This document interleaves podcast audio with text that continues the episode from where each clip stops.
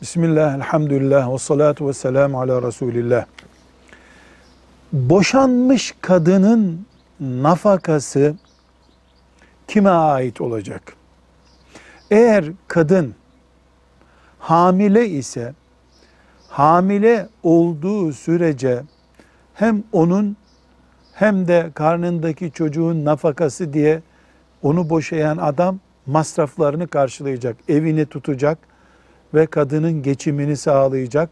Artık geçime kiradı, elektrikti, su parasıydı, elbiseydi dahil.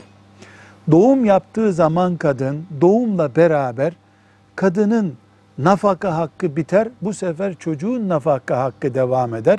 Kadının yanında kaldığı zaman da o çocuk büyüyünceye kadar baba, baba olan çocuğun bütün masraflarını karşılar.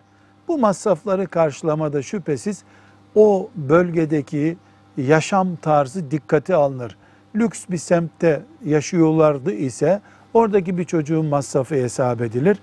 Orta tabakalı bir yerde yaşıyorlardı ise oradaki bir çocuğun masrafı takdir edilir. Çocuk kız olsun erkek olsun anne onu emzirdiği sürece ve e, anne olarak büyüttüğü sürece baba masrafları verir buna nafaka denir.